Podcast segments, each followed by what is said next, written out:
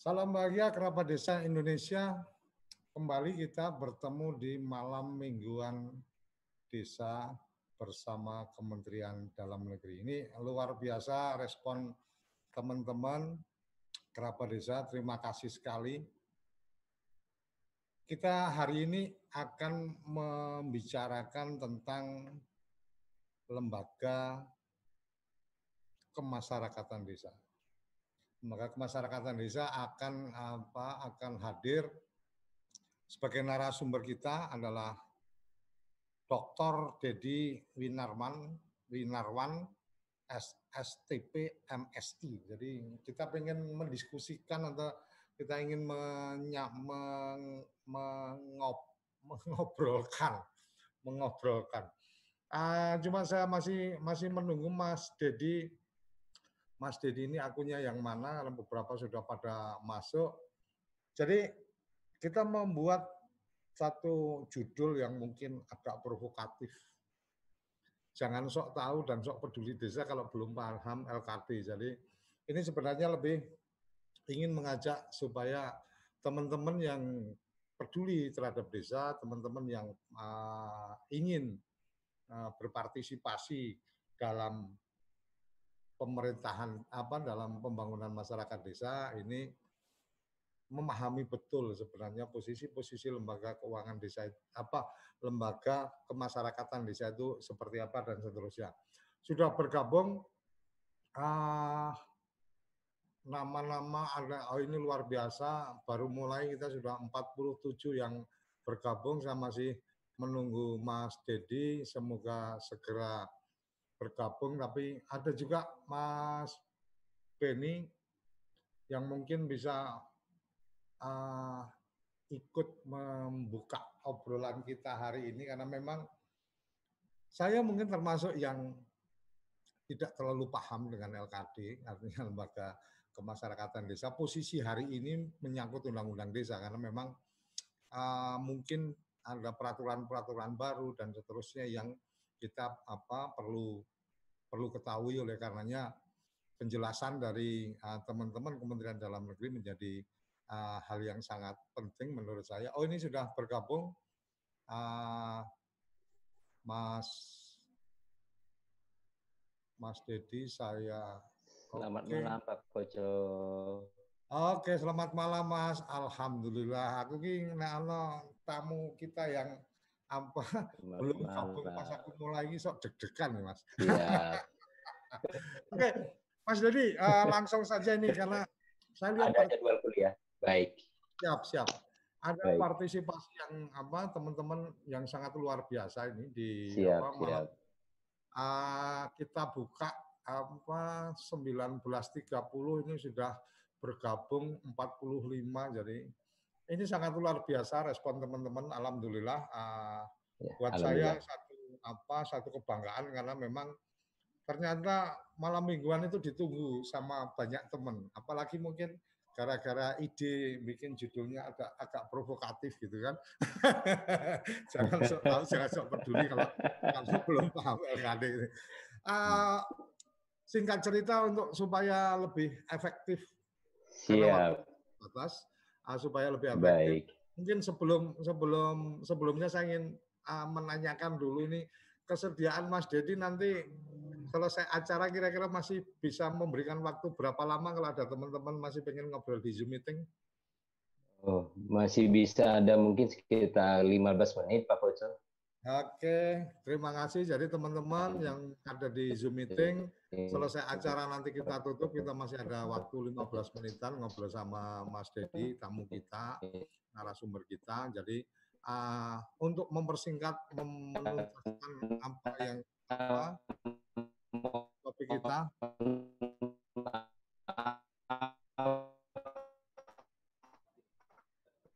Halo, Mas Dedi kayaknya uh, audio internetnya agak ini ya.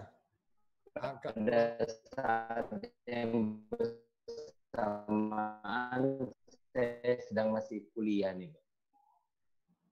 Oke, monggo Mas Dedi. Baik Pak Koco, terima kasih. Silakan. Halo ya, Pak Koco, suaranya? Terima kasih Pak Koco. Selamat malam. Assalamualaikum warahmatullahi wabarakatuh. Salam sejahtera bagi kita semua. Sebelumnya salam berdesa dulu. Ini sangat senang sekali malam ini semua stakeholder desa hadir ya dalam acara malam mingguan desa. Terima kasih kepada TV Desa yang sudah memberikan kesempatan kepada saya untuk menjadi salah satu narasumber dengan judul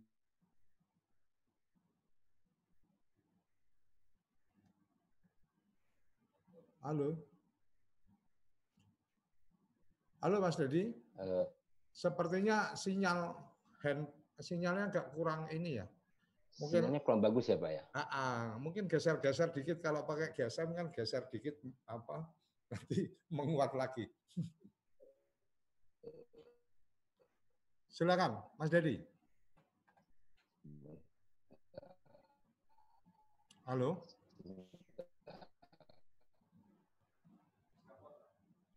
Ya. Silakan Mas Dedi. Nge-freeze ya.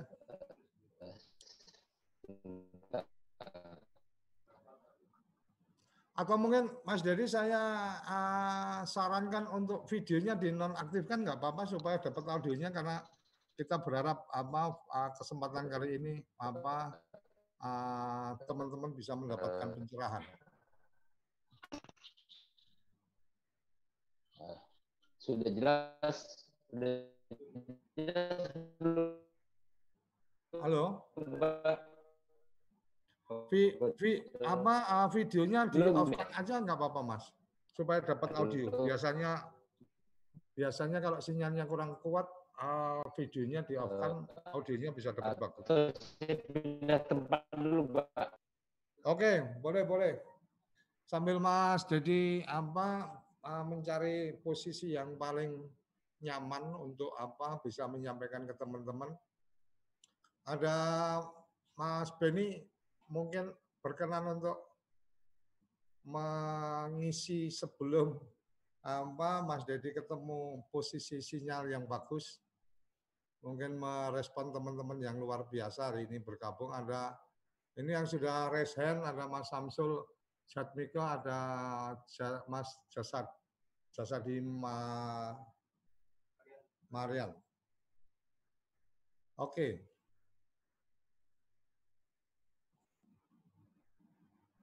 Oke, uh, ini ada yang kirim chat WA apa? Uh,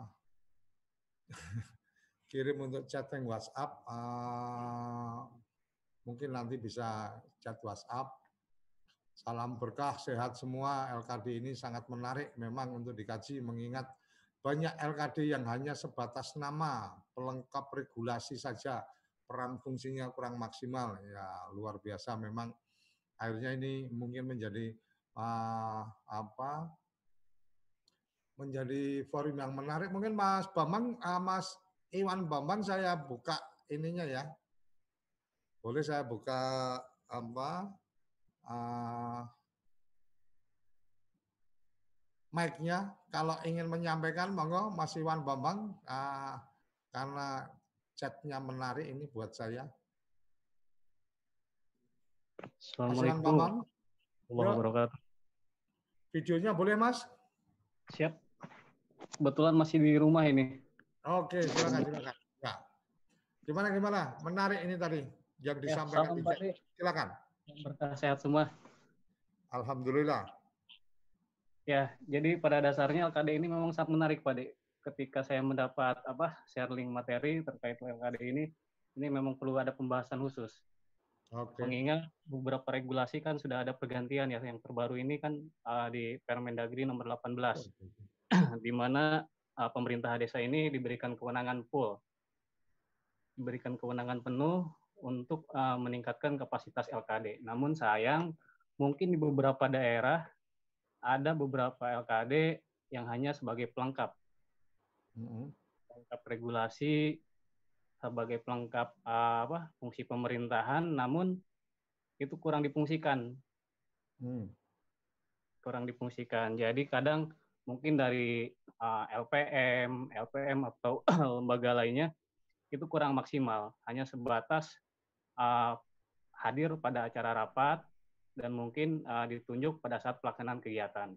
Nah, mungkin pada saat ini ya kami berharap ada uh, apa peningkatan khusus lah. Ya.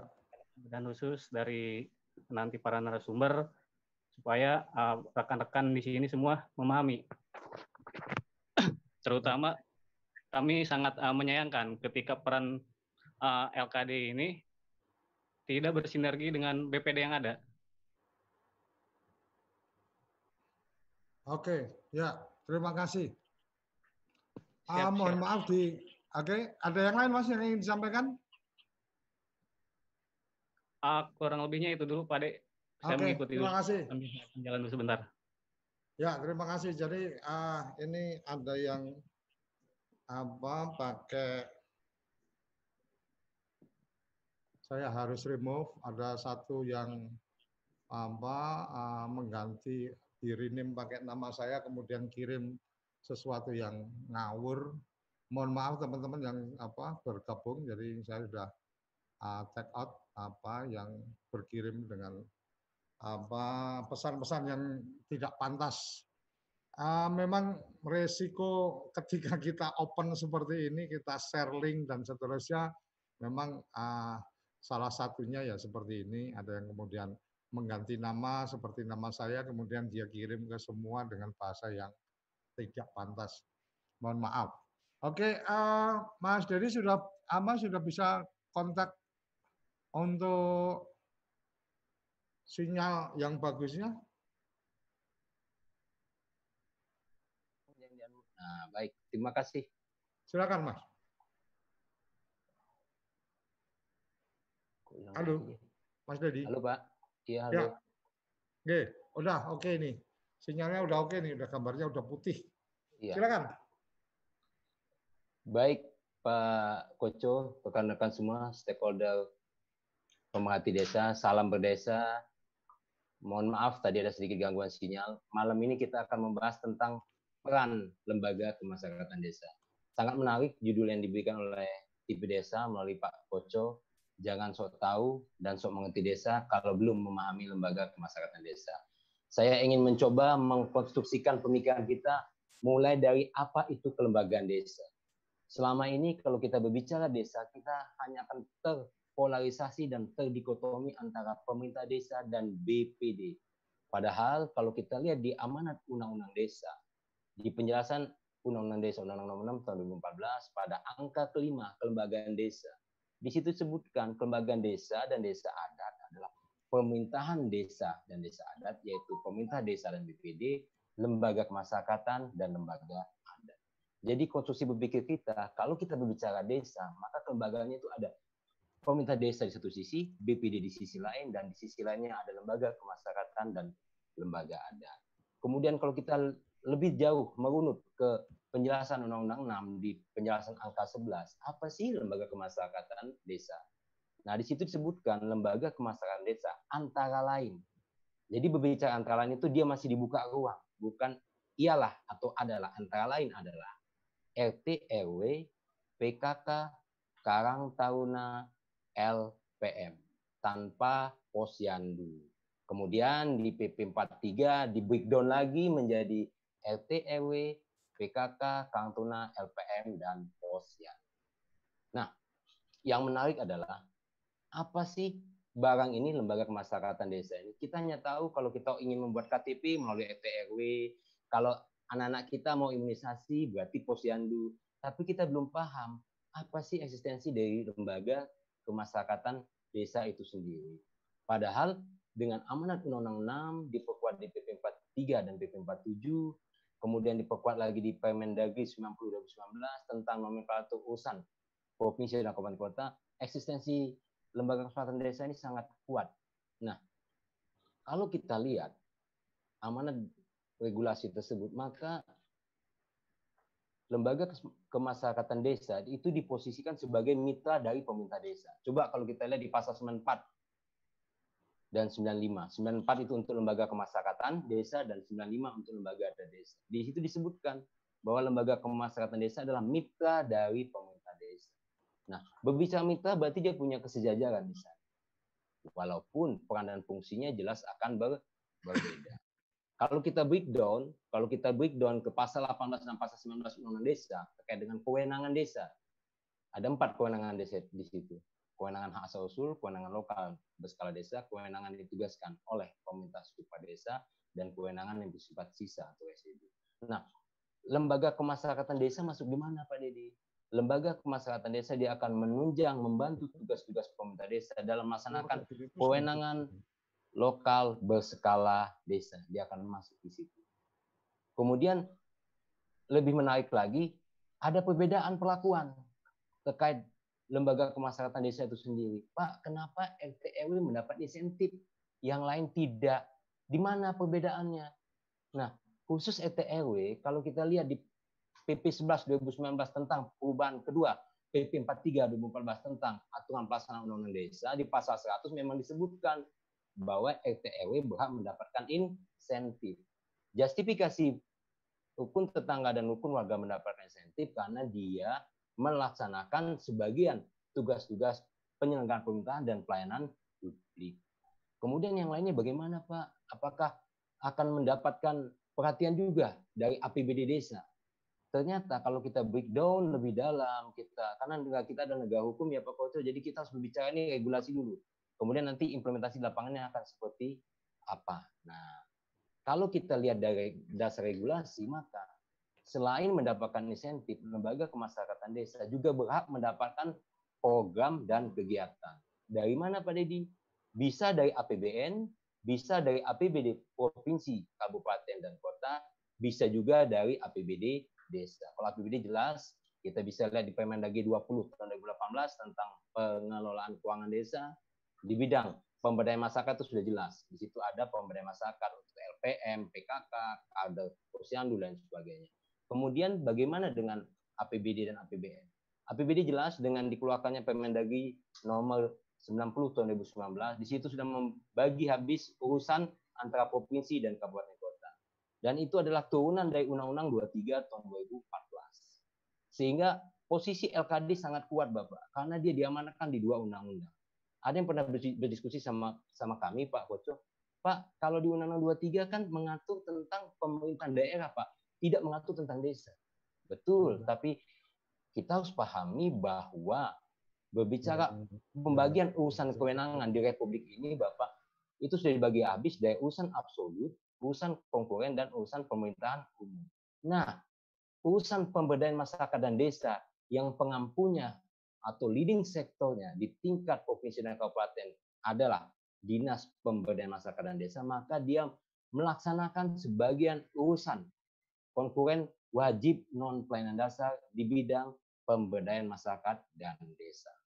Kalau kita lihat di undang-undangnya, di penjelasan undang-undang desa, penjelasan huruf M, urusan pemberdayaan masyarakat dan desa.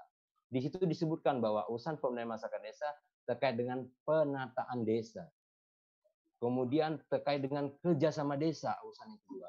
Urusan yang ketiga terkait dengan administrasi pemerintahan desa. Dan yang pamungkas adalah pemberdayaan lembaga kemasyarakatan, lembaga adat, dan masyarakat hukum adat. Sehingga eksistensi dan keberadaan LKD LAD diakui oleh dua undang-undang yang mempunyai kedudukan sejajar. Itulah kenapa provinsi kabupaten kota punya kewajiban untuk memberdayakan, menata, memberdayakan, dan mendayagunakan lembaga kemasyarakatan. Apa itu Pak perbedaannya? Penataan bagaimana kita membentuk lembaga kemasyarakatan di tingkat desa. Karena apa? Karena lembaga kemasyarakatan desa itu dibentuk atas prakarsa pemerintah desa ataupun atas prakarsa masyarakat. Kemudian setelah dia dibentuk dalam bentuk penataan, kemudian diberdayakan bagaimana dia bisa melaksanakan tugas dan fungsi sebagaimana diamanatkan oleh undang-undang desa. Setelah dia bisa melaksanakan tugas, bagaimana pendayagunaan? Nah, ini yang paling penting di sini adalah pendayagunaan bagaimana lembaga kemasyarakatan desa bisa mengakses program dan kegiatan yang dilaksanakan oleh provinsi, kabupaten kota maupun pemerintah pusat bersinergi dengan program-program yang ada di EPJM desa maupun di EKP desa. Jadi LKD punya peran yang sangat strategis Bapak Ibu semua. Contoh sederhana, kita sekarang sedang menghadapi pandemi COVID-19. siapakah garda terdepan? Kita ketahui adalah tenaga medis. Selain tenaga medis juga ada sinergi pemerintah, government at the grassroots kami menyebutnya, yaitu pemerintah desa dan kelurahan. Nah, pemerintah desa kepanjangan tangannya di tingkat lokal adalah RT dan RW. Jadi, peran lembaga kemasyarakatan desa semakin signifikan di era pandemi COVID-19. Saya yakin Pak Koco Suatu desa bisa maju, mandi, dan sejahtera kalau seluruh stakeholder di tingkat desa bisa bersinergis.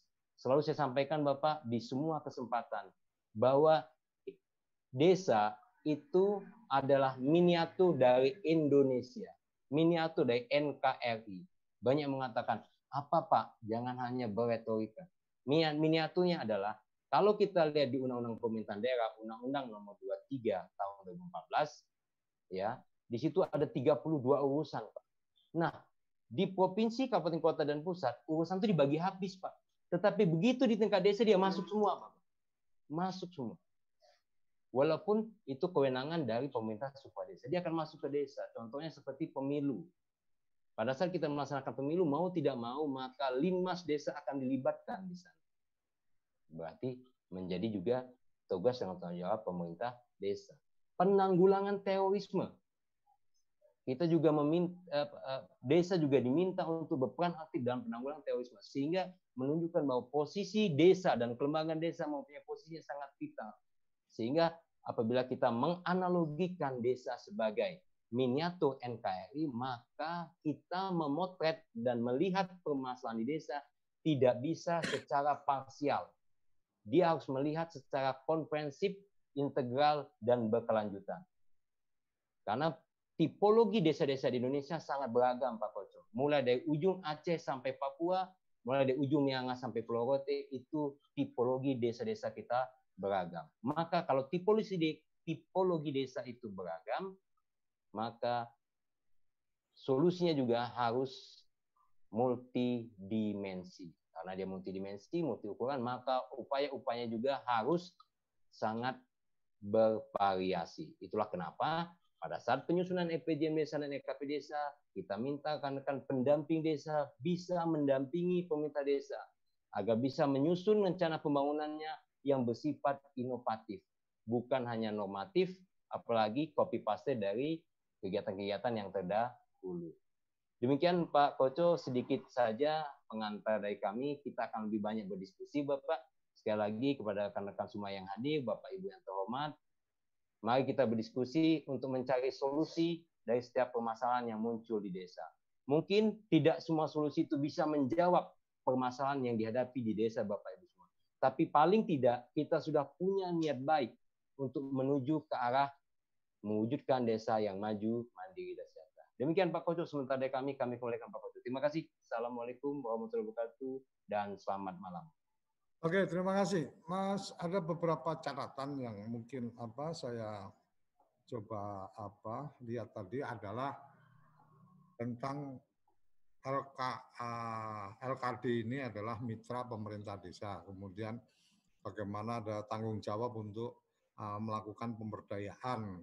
Kemudian bagaimana tentang pendaya gunaan dan seterusnya. Tapi sisi yang lain kalau kita ke lapangan ada banyak hal yang kemudian uh, lembaga kemasyarakatan desa ini kadang tidak difungsikan dengan baik. Pertanyaannya karena tadi Mas Dedi berbicara dalam konteks uh, aturan perundang-undangan, apakah kemudian ada sanksi yang bisa diterapkan kepada kepala desa mungkin atau atau apa BPD mungkin yang kemudian tidak memberikan ruang yang cukup atau tidak memberikan kesempatan eh, pemberdayaan, tidak melakukan kegiatan pemberdayaan dan daya gunaan dari teman-teman LKD. Baik, terima kasih Pak Koco. Kalau kita lihat di PP 43, jelas amanahnya menyatakan bahwa dalam melaksanakan pemberdayaan masyarakat desa, maka pemerintah desa bersama BPD diminta untuk melibatkan lembaga pemasyarakatan desa. Nah, kalau yang terjadi di lapangan selama ini ada kecenderungan LKD tidak dilibatkan, maka dari proses penyusunan RPJM desa dan RKP desanya ada hal yang terdistorsi, Bapak. Okay. Harusnya dan idealnya pemberdayaan masyarakat itu ada sinergis di sana pemerintah desa, BPD, LKD maupun LAD. Nah, di sini menjadi ranahnya camat. Kalau kita lihat di PP 17 tahun 2018 tentang kecamatan, kalau dilihat di pasal 10 itu menyatakan bahwa camat melakukan pembinaan dan pengawasan penyelenggaraan pemerintahan desa. Nah, berbicara penyelenggaraan pemerintahan desa, maka kita akan berbicara bagaimana penyelenggaraan pemerintahan itu sendiri, pelaksanaan pembangunan, pembinaan kemasyarakatan, dan pemberdayaan masyarakat. Itu satu. Jadi, di sini ada peran camat untuk mengingatkan kepala desa agar melibatkan lembaga kemasyarakatan desa dalam pemberdayaan masyarakat. Satu. Yang kedua, BPD. BPD jelas dia mempunyai hak untuk melakukan eh, penilaian terhadap kinerja kepala desa. Tetapi catatan kami, penilaian itu bukan dalam hal untuk men menerima atau menolak, tapi hanya melakukan penilaian. Nah, pada saat melakukan penilaian, pemerintah desa punya kewajiban tiga bulan sejak akhir tahun, anggaran menyampaikan laporan keterangan penyelenggaraan pemerintahan desa kepada BPD. Nah, di situ BPD bisa lihat apakah LKPPD yang merupakan laporan pelaksanaan kegiatan desa dalam hal ini penggunaan APBD desa sesuai dengan yang diamanatkan atau tidak. Itu satu. Yang kedua, kita mulai dari hulunya dulu pada saat proses penyusunan perencanaan pembangunan desa. Di situ harus menjadi ranahnya camat, kemudian pendamping untuk mengingatkan mitra kita pemerintah desa. Ini ada lembaga loh yang namanya lembaga kemasyarakatan yang punya kewenangan untuk ikut serta dalam pelaksanaan pemberdayaan masyarakat desa. Nah, mungkin Bapak Ibu semua kalau kita amati memang ada kecenderungan beberapa pemerintah desa belum melibatkan lembaga kemasyarakatan desa. Memang harus kita pahami Pak Koco, regulasi kita kan berubah jauh Bapak, drastis. Kalau di PP 72 tahun 2005, peran desa tidak sesignifikan di Undang-Undang 6 tahun 2014. Karena kami mengalami, Bapak pernah di wilayah juga di tahun 2010 menjadi seorang camat. Dibandingkan dengan sekarang, maka desa punya kewenangan yang lebih besar jadi memang butuh waktu Bapak, butuh waktu, butuh pembelajaran, butuh satu kerjasama dan kolaborasi semua stakeholder untuk melaksanakan amanah undang-undang desa itu dengan baik. Demikian Pak Koco, terima kasih. Oke, uh, menarik memang kalau dari yang disampaikan tadi artinya memang tidak ada sanksi khusus ya ketika kemudian apa LKD ini tidak diperankan secara maksimal baik dalam musyawarah desa maupun dalam kegiatan-kegiatan desa yang ada hanya sekedar bagaimana kemudian camat atau BPD apa berperan aktif untuk mengingatkan itu. Kira-kira gitu ya, Mas Dedi ya? Ya, ya.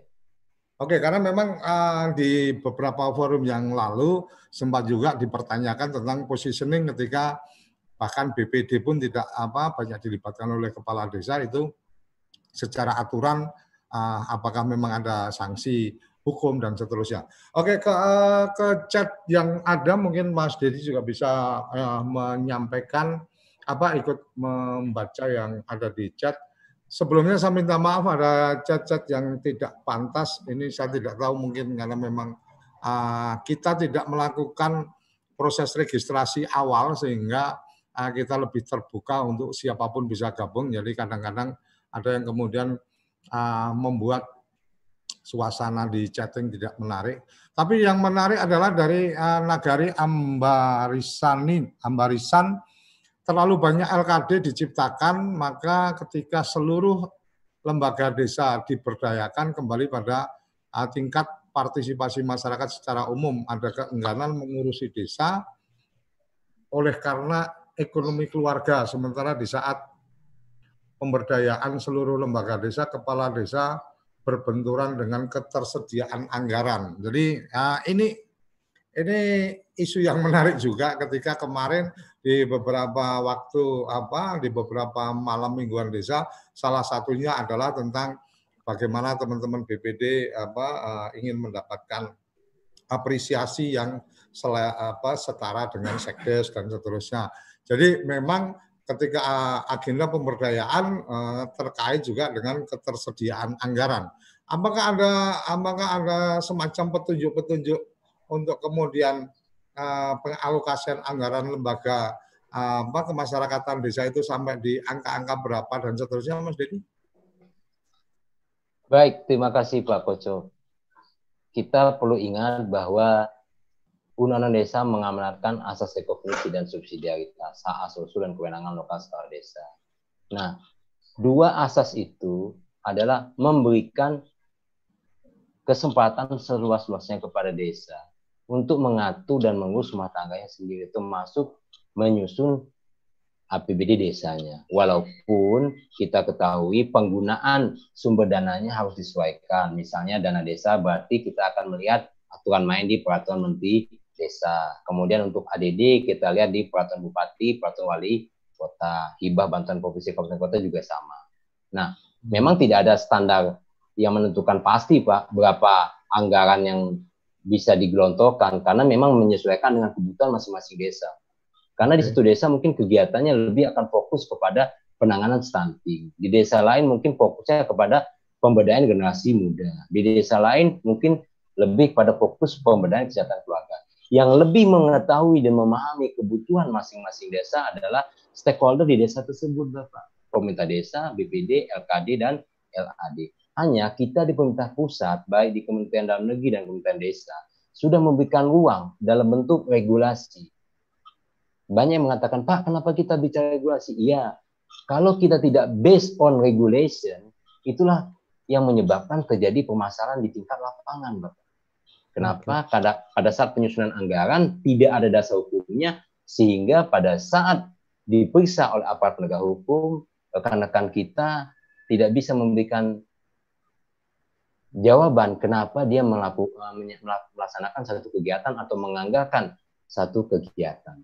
Sehingga hmm. kita based on regulasi, kita buka ruang baik di APBD provinsi, APBD kabupaten kota maupun di APBD desa. Jadi pemberdayaan LKD Bapak tidak hanya dibebankan kepada APBD desa. Untuk lebih memperkuat peran dan fungsi LKD, Bapak Permendagri nomor 90 tahun 2019 tentang nomenklatur urusan provinsi dan kabupaten kota sudah dilakukan pemutahiran. Pemutahiran ini kita menambah lagi lampiran di Permendagri tersebut untuk kode-kode kegiatan dan subkegiatan tertentu dalam rangka mengakomodir kegiatan-kegiatan di tingkat desa. Karena kita paham APBD desa pembebanannya sudah sangat berat.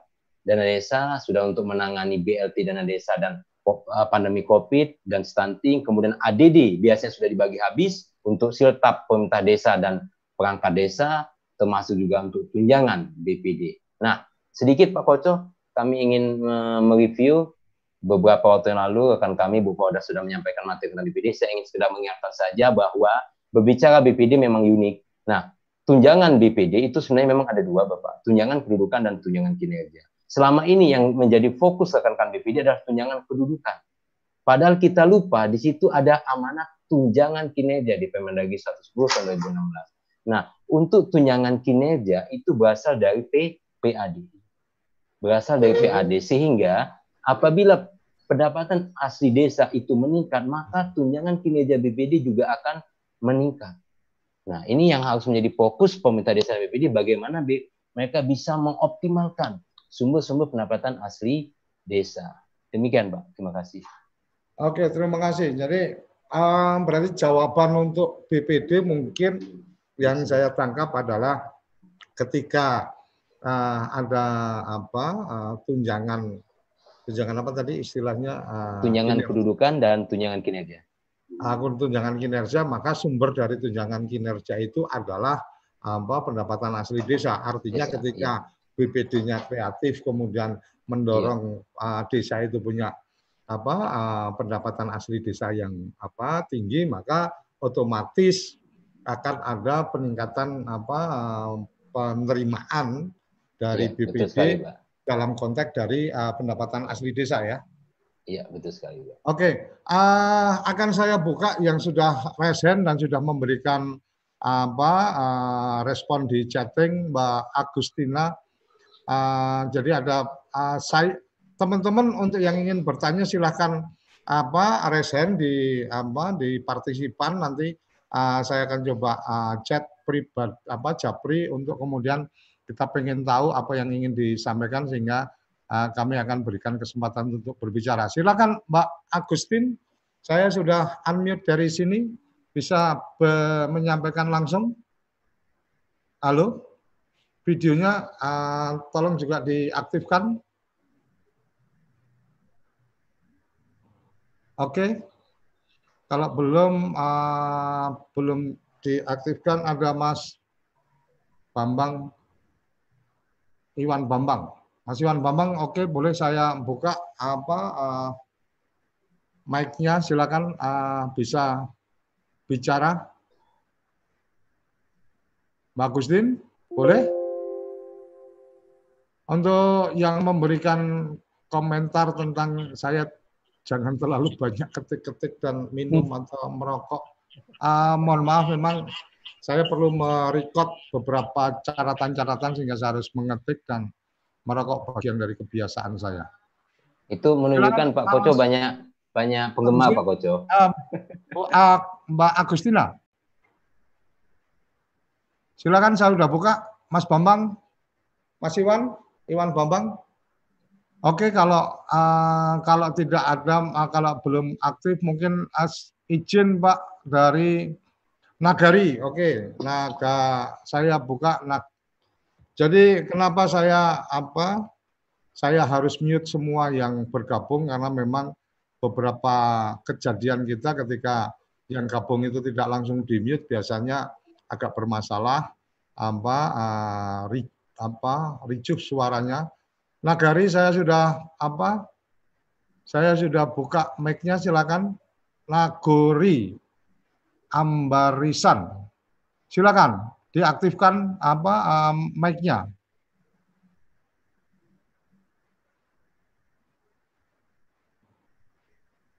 Oke, Mas Dimyati coba saya aktifkan. Silakan. Oke, Monggo Mas Dimyati. Ya, terima kasih. Uh, kalau kami di Madiun, Lembaga Kemasyarakatan Desa sudah diperdeskan, jadi Berdasarkan perdes, mereka menganggarkan. Jadi RT, RW, BPD semuanya sudah teranggarkan, PPKPD, sub PPKPD, Posyandu, sampai lembaga pendidikan yang ada di desa semuanya teranggarkan. RT kami 250 ribu per bulan, PPKPD, sub PPKPD 100 150 ribu per bulan. Dan lembaga-lembaga lain sudah kita anggarkan semua. Jadi kalau persoalan anggaran tidak ada masalah ya. lah. Ada masalah lain? Masalah yang lain adalah keberadaan teman-teman pendamping yang notabene masih masih apa ya eh, kapasitasnya masih jauh dari harapan. Jadi pendamping yang mana ini mas? Pendamping pendamping pendamping desa yang disampaikan Mas Dedi dikasih beban sebanyak itu tadi ya ah. masih jauh dari harapan dan standarisasi pun belum terpenuhi sebagaimana amanat PP 43. Mereka semuanya kan harus bersertifikat standar kompetensi yang di lembaga sertifikasi profesi yang harus dipenuhi. Tapi kemarin memang tidak dipenuhi karena kebutuhan dan yang tersertifikasi tidak tidak tidak nyambung. Yang disertifikasi BNSP baru 11.000 yang dibutuhkan Kemendes 23.000. Sedangkan yang tersertifikasi itu sudah aktif di beberapa institusi lain. Oke. Oke, terima kasih. Sudah kita tangkap. Ah, iya, Pak. Ya. Selamat malam, Pak. Silakan. Iya, baik, Pak. Jadi uh, saya cerita sedikit nagari itu sama dengan desa itu sebutan otonomi di Semalungun, Pak. Ya, ya kebetulan saya kepala desa di Desa Ambarita uh, menarik dengan topik ini. Hanya saja saya pikir uh, ketika topik ini harus kita bahas, maka ketika juga kita harus satu persepsi, ya maka kemudian implementasinya itu yang sulit untuk setiap desa yang ada di Indonesia. Kita ketahui ada 70 ribu desa kurang lebih di Indonesia. Tentu berbeda-beda dengan kondisi masing-masing. Nah, yang menjadi persoalan adalah terutama di Simalungun itu hampir seluruh 386 desa itu 60 sampai 70 persen itu ketertinggalan infrastrukturnya. Nah, maka ketika lembaga-lembaga itu harus diberdayakan, kepala desa tentunya berfokus kepada untuk mengejar uh, tercapainya uh, tersedianya infrastruktur di desa masing-masing. Oh, nah, okay. iya. Jadi iya, artinya persoalannya bukan berarti sebenarnya desa itu mengabaikan seluruh lembaga-lembaga yang ada di desa. BPD itu otomatis wajib diberdayakan. Kemudian hmm. saat ini seperti yang dijelaskan tadi Pak Dedi Irawan, bahwa tadinya posyandu tidak dilibatkan, tetapi dua tahun terakhir ini itu wajib karena memang mereka lah yang memang rutinitas yang bersentuhan kepada masyarakat khususnya balita. Nah, kemudian kita ketahui juga bahwa penyaluran dana desa itu belum maksimal. Kami di Simalungun itu masih kisaran 700 sampai 800 juta. Nah, Bapak boleh kita bayangkan kebutuhan infrastruktur jalan misalnya, kebutuhan infrastruktur untuk uh, pertanian persawahan dan hmm. yang lain-lain. Nah, ketika hanya 700 juta sampai 800 juta per tahun, maka saya pikir 20 tahun ke depan pun khususnya di desa sana bahwa ke, uh, pembenahan infrastruktur belum juga bisa tercapai. Nah, ini yang menjadi persoalan saya pikir uh, bagi pemerintah pusat sehingga ketika saat ini ada eh, wacana-wacana uh, yang miring tentang penghapusan dana desa dan segala macam, dan kemudian uh, dari Menteri Keuangan yang konon itu menuding bahwa kepala desa uh, banyak mengkorupsi dana desa, saya pikir ini pemerintah sekarang merubah isu terhadap situasi COVID-19. Nah, jadi persoalannya ini sedikit cukup kompleks. Maka saya sebagai kepala desa uh, sangat mendukung seluruh eh, program-program uh, yang jika nanti bahwa seluruh kepala desa bersatu, maka dana desa tetap harus dipertahankan. Maka saya fokus kepada uh, bagaimana dana desa harus tetap dipertahankan. Kira-kira demikian Pak. Uh, Oke, terima kasih. Oke, terima kasih. Jadi apa terkait bahwa ada mungkin lebih pada ada agenda tentang apa kemarin teman-teman ada melakukan apa kegiatan di uh, Mahkamah Konstitusi karena ada undang-undang dan seterusnya tapi um, hari ini kita lebih ingin mendiskusikan tentang bagaimana Eh, lembaga kemasyarakatan desa dan yang kita tangkap tadi dari Simalungun adalah bahwa ya memang anggarannya terbatas dan, dan kemudian kebutuhan infrastruktur menjadi apa prioritas kepala desa. Jadi mungkin itu yang uh, quote menjadi sebuah pemakluman ketika kemudian LKD ini agak kurang dialokasikan anggaran atau ada kurang pemberdayaan dan seterusnya. Dari beberapa yang sudah disampaikan silakan Mas Dedi untuk bisa memberikan responnya. Baik, terima kasih Bapak. Uh, sebelumnya apresiasi untuk mitra kita dari Kabupaten Madiun dengan Kabupaten Simalungun. Untuk Kabupaten Madiun sudah dianggarkan, terima kasih Pak. Jadi sudah diakomodir pemberdayaan masyarakat melibatkan LKD. Di sisi lain untuk Simalungun sedang fokus terkait dengan pembangunan infrastruktur, itu juga Bapak yang lebih paham Bapak tentang desa Bapak. Kalau Bapak memang Pak Kadis melihat bahwa desa Bapak membutuhkan infrastruktur, silakan yang perlu kami ingatkan adalah pemerintah pusat, baik Kementerian Dalam Negeri, Kementerian Desa, Pembangunan Daerah Tertinggal dan Transmigrasi, Kementerian Keuangan, dan seluruh kementerian di tingkat pusat itu memberikan guidance.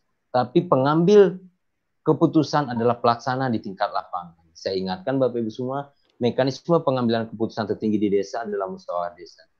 Sehingga kalau di dalam EKP desa, kemudian di APBD desa yang sudah diperdeskan, memang mengamanatkan pembangunan desa, berarti itu memang menjadi keputusan terbaik menurut desa Bapak. Sepanjang mekanisme penyelenggaraan musyawarah desanya dilaksanakan dengan benar. Ini juga mengingatkan beberapa waktu lalu pada saat materi BPD agak disinggung oleh Bu Pauda terkait dengan musyawarah desa. Nah, perlu kita pahami ada perbedaan signifikan tipologi musyawarah desa dengan musyawarah Musrenbangdes maupun musyawarah BPD. Dapat kami tekankan di sini musyawarah desa diselenggarakan oleh BPD, bukan oleh pemerintah desa. Tetapi difasilitasi oleh pemerintah desa, yaitu pembiayaannya melalui APBD.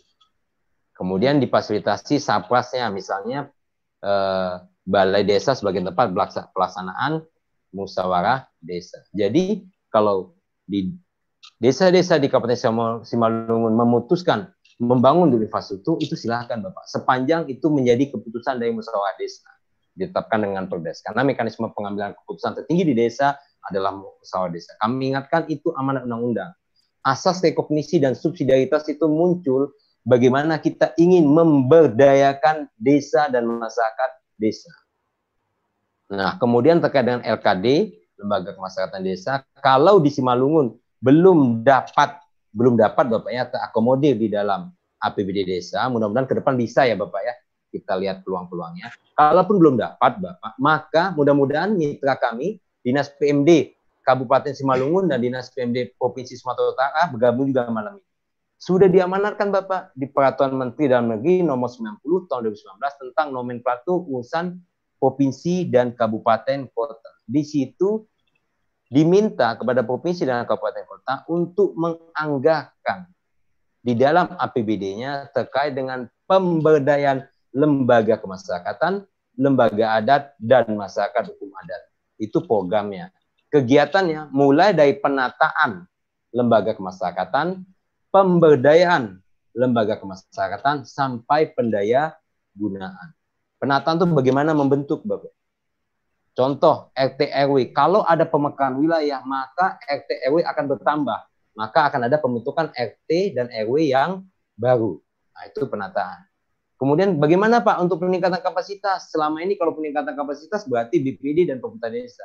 Maka di Peraturan Menteri Dalam Negeri nomor 90 tahun 2019 sudah diakomodir Bapak. Sub kegiatan peningkatan kapasitas lembaga kemasyarakatan desa.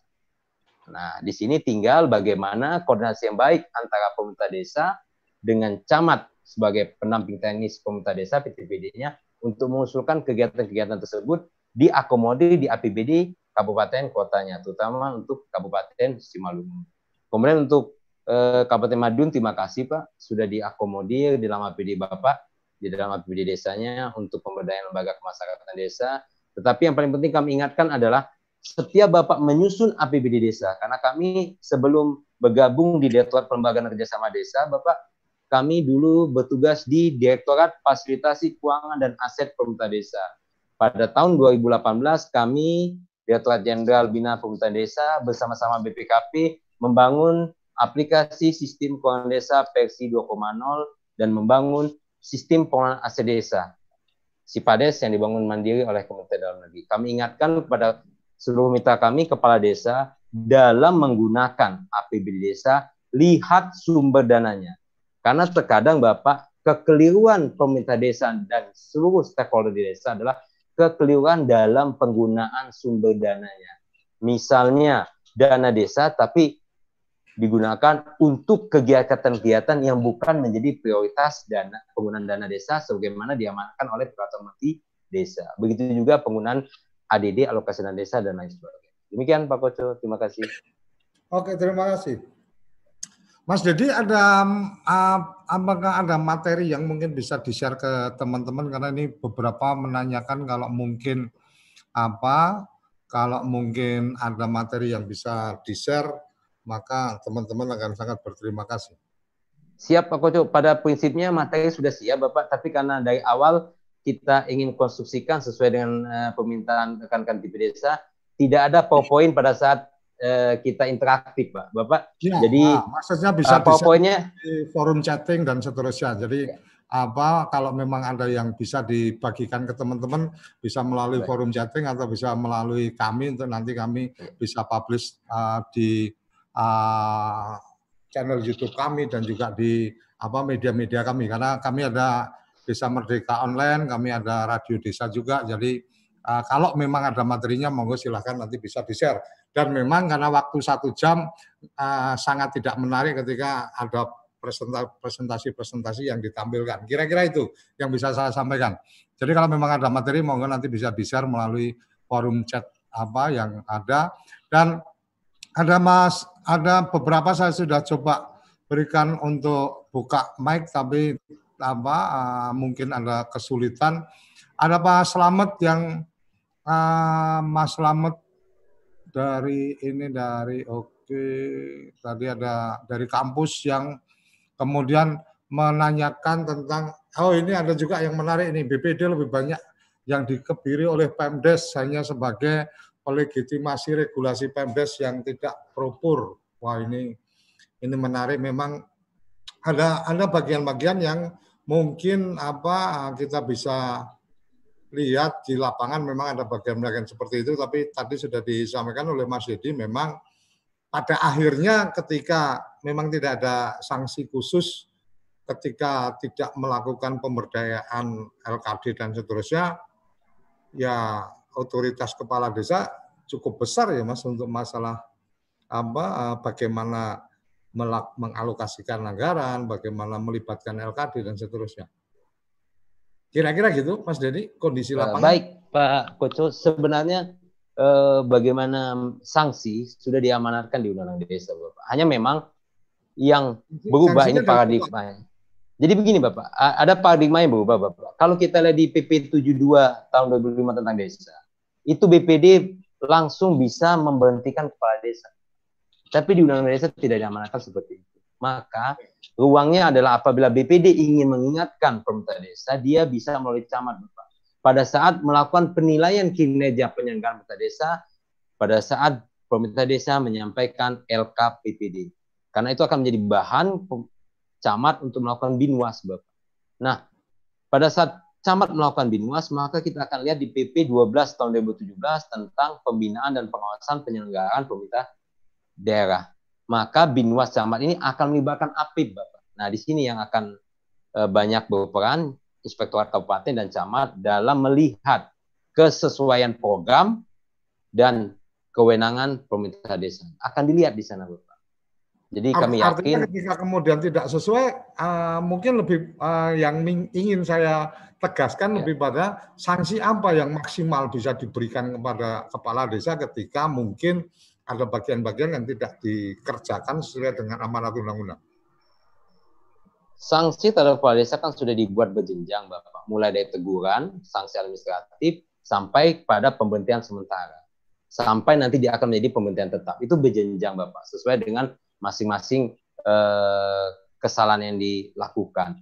Tetapi di sini adalah peran camat dan inspektorat kabupaten itu juga sangat signifikan untuk me- mengawal kepala desa dan perangkat desa melaksanakan tugas sesuai dengan yang diamanatkan. Jadi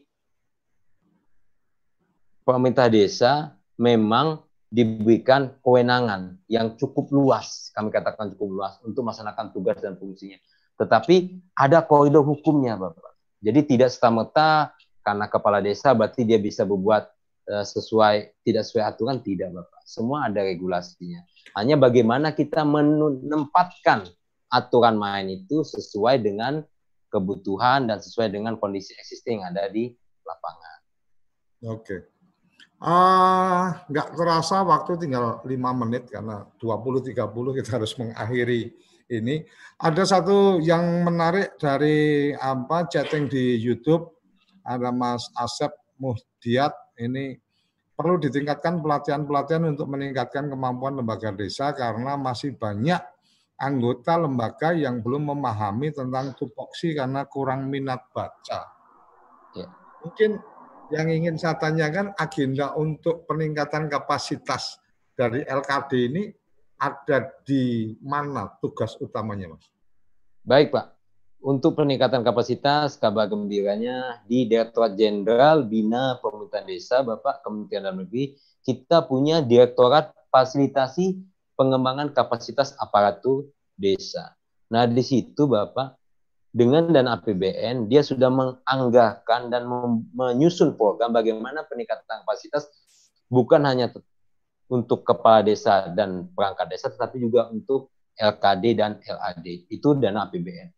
Kemudian untuk provinsi dan kabupaten kota, Bapak, dengan diundangkannya Permendagri 90 tahun 2019 dan pemutarannya sudah keluar, Bapak. Mudah-mudahan kita doakan dalam waktu yang tidak terlalu lama, satu bulan ini, sudah ditandatangani Bapak Menteri Dalam Negeri, Permendagri pemutahiran nomor 90 tahun 2019, maka di 2021 provinsi dan kabupaten punya kewajiban untuk peningkatan kapasitas lembaga kemasyarakatan.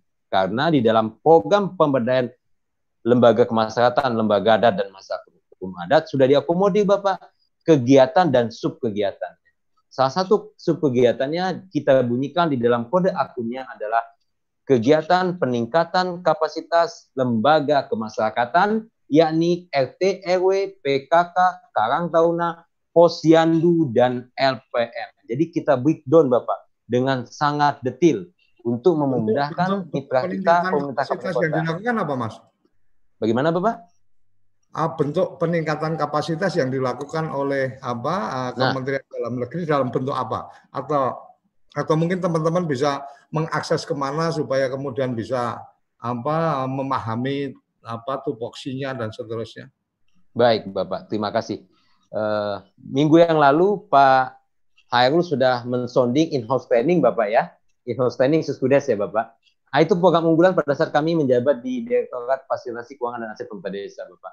Di situ kami siapkan in-house training pengelolaan keuangan desa dan aset desa yang bisa diakses oleh seluruh stakeholder di tingkat desa. Itu terkait dengan pengelolaan keuangan dan aset desa. Nah, in-house untuk lembaga untuk kemudian bisa mengikuti boleh dibagikan uh, ke alamat website atau ke uh, alamat channel uh, tertentu. Siap, siap, Pak. Nanti kami akan berikan kontak person ya Bapak. Hanya memang kalau selama ini kita menggunakan tatap muka Bapak, yang biasanya tatap muka di kelas, dengan adanya pandemi COVID-19 ini kita harus melakukan, melakukan penyesuaian kondisi existing Bapak. Kita akan lebih banyak pembelajaran jarak jauh e-learning kan, karena tidak mungkin posisi pandemi COVID ini kita melaksanakan tatap muka seperti yang sebelumnya normal biasa. Sehingga Ada kalau dulu yang bisa diakses Mas? Mungkin karena waktunya pendek ini tinggal satu menit. Ya, ya nanti kita berikan kontak pesannya Bapak. Ada kontak pesannya khusus karena memang yang menanganinya berbeda direktorat. Nanti akan kita berikan kontak pesan baik untuk in-house training maupun peningkatan kapasitas di direktorat fasilitasi eh, pengembangan kapasitas aparatur desa. Nanti akan kita berikan eh, kontak pesannya. Mereka punya program-program unggulan baik online online maupun offline Bapak, maupun ada juga pembelajaran yang bersifat e-learning Bapak. Dan itu gratis bisa diakses oleh seluruh stakeholder. Tapi catatannya satu Bapak, walaupun gratis jangan lupa kuota internet Bapak. Nah, karena Oke, maaf terkadang kita, kita tunggu ya. nanti alamat uh, websitenya di mana dan seterusnya supaya teman-teman bisa apa ikut belajar dan karena waktu sudah di penghujung silakan closing statement Mas Dedi. Baik Pak Koco sebelum closing statement eh, sesuai permintaan Bapak dan rekan-rekan Bapak Ibu yang mengikuti malam mingguan TV Desa malam ini sudah kami share Bapak ke WA Bapak materi malam hari ini. Materi tersebut bagian daripada pembelajaran kita bersama Bapak. Karena kalau berbicara desa tidak akan pernah berhenti kita untuk belajar. Karena desa sudah ada jauh sebelum kolonialisme masuk ke Indonesia. Dan insya Allah akan selalu ada sampai akhir zaman. Tugas kita semua bagaimana memberdayakan desa. Jangan terdikotomi oleh instansi ataupun lembaga tertentu. Tapi bagaimana kita bisa berkolaborasi untuk bekerja sama, bersinergi, bagaimana mewujudkan desa yang maju, mandiri, dan sejahtera dalam implementatif dalam implementasi bukan di dalam retorika ataupun di dalam angan-angan. Mudah-mudahan dengan sinergi semua stakeholder baik di tingkat pusat maupun sampai di tingkat desa baik pemerintah, lembaga non pemerintah, pihak swasta, NGO, pers, LSM dan lain sebagainya. Amanat Undang-Undang Desa untuk mewujudkan desa maju, mandiri dan sejahtera bisa kita capai walaupun membutuhkan waktu dan proses yang tidak sebentar. Demikian Pak Koco, terima kasih. Oke, terima kasih teman-teman. Saya sudah mendapatkan apa filenya dan yang ada di grup apa yang ada di Zoom meeting silakan ditunggu sebentar lagi saya share di chat apa uh, di chat Zoom meeting kita dan sampai di sini pertemuan kita hari ini uh, di malam mingguan Desa bersama Kemendes. Terima kasih Mas Dedi sudah berkenan. Baik Pak Koco, terima kasih rekan-rekan semua. Selamat malam. Dan setelah ini masih ada waktu mungkin 15 menit bisa apa uh, chatting bersama Mas Dedi di Zoom meeting. Tapi saya harus mengakhiri dulu siaran ini karena siaran ini dilakukan di YouTube dan juga di uh, TV Desa satelit. Mohon izin Pak Koco bisa menambahkan sedikit Bapak. Silakan silakan. Ya, mohon izin ini hadir Pak Budiantoro. Kami lihat tadi Pak Direktur kami, Direktur Kelembagaan dan Kerjasama Desa, Pak Budiantoro. Mohon izin Bapak, kalau ada closing statement dari beliau. Pak Budi, monggo Bapak. Tadi beliau hadir barusan kami lihat Bapak. Monggo Pak Budiantoro, Pak Direktur. Monggo yang akunnya Baik yang Bapak, mungkin mungkin sudah mungkin kan Mas Mas Dedi bisa langsung uh, invite untuk apa kalau memang akan memberikan closing statement Pak Budi karena Mas Tapi sepertinya Mas Dedi beliau mungkin sudah lip Bapak, sudah lip. Okay. tidak ada lagi. Terima kasih. Baik. Saya akhiri pertemuan kita hari ini, malam mingguan kita hari ini dan saya sudah share di apa uh, chatting Zoom kita materi dari Mas Dedi. Uh, terima kasih untuk teman-teman yang sudah bergabung di Zoom meeting. Mungkin dengan beberapa kejadian hari ini dan beberapa apa pertanyaan dari teman-teman yang belum terjawab kita akan apa kita akan coba mencari solusi alternatif atau memberikan konten apa tema-tema menarik untuk minggu depan jangan lupa apabila ada usulan-usulan tema bisa ke WA official TV Desa 083 kali 01317160 atau bisa nah, masuk ke website kita untuk bisa langsung melakukan kontak WA ke official kami sehingga materi-materi yang akan kita angkat atau topik-topik yang kita angkat memang uh, topik-topik yang dikendaki oleh teman-teman untuk yang tadi menanyakan absensi dan seterusnya dan dengan kejadian tadi ada chatting yang kurang pantas maka mungkin ke depan kita akan mulai apa melakukan uh, pendaftaran secara khusus sebelum bergabung karena malam mingguan desa ternyata cukup mendapat perhatian dan uh, ketertarikan untuk teman-teman bergabung. Terima kasih, sampai jumpa minggu depan. Terima kasih Pak Koco, tetap semangat Bapak, jaga kesehatan Bapak, jaga kesehatan rekan-rekan semua. Terima kasih, selamat malam.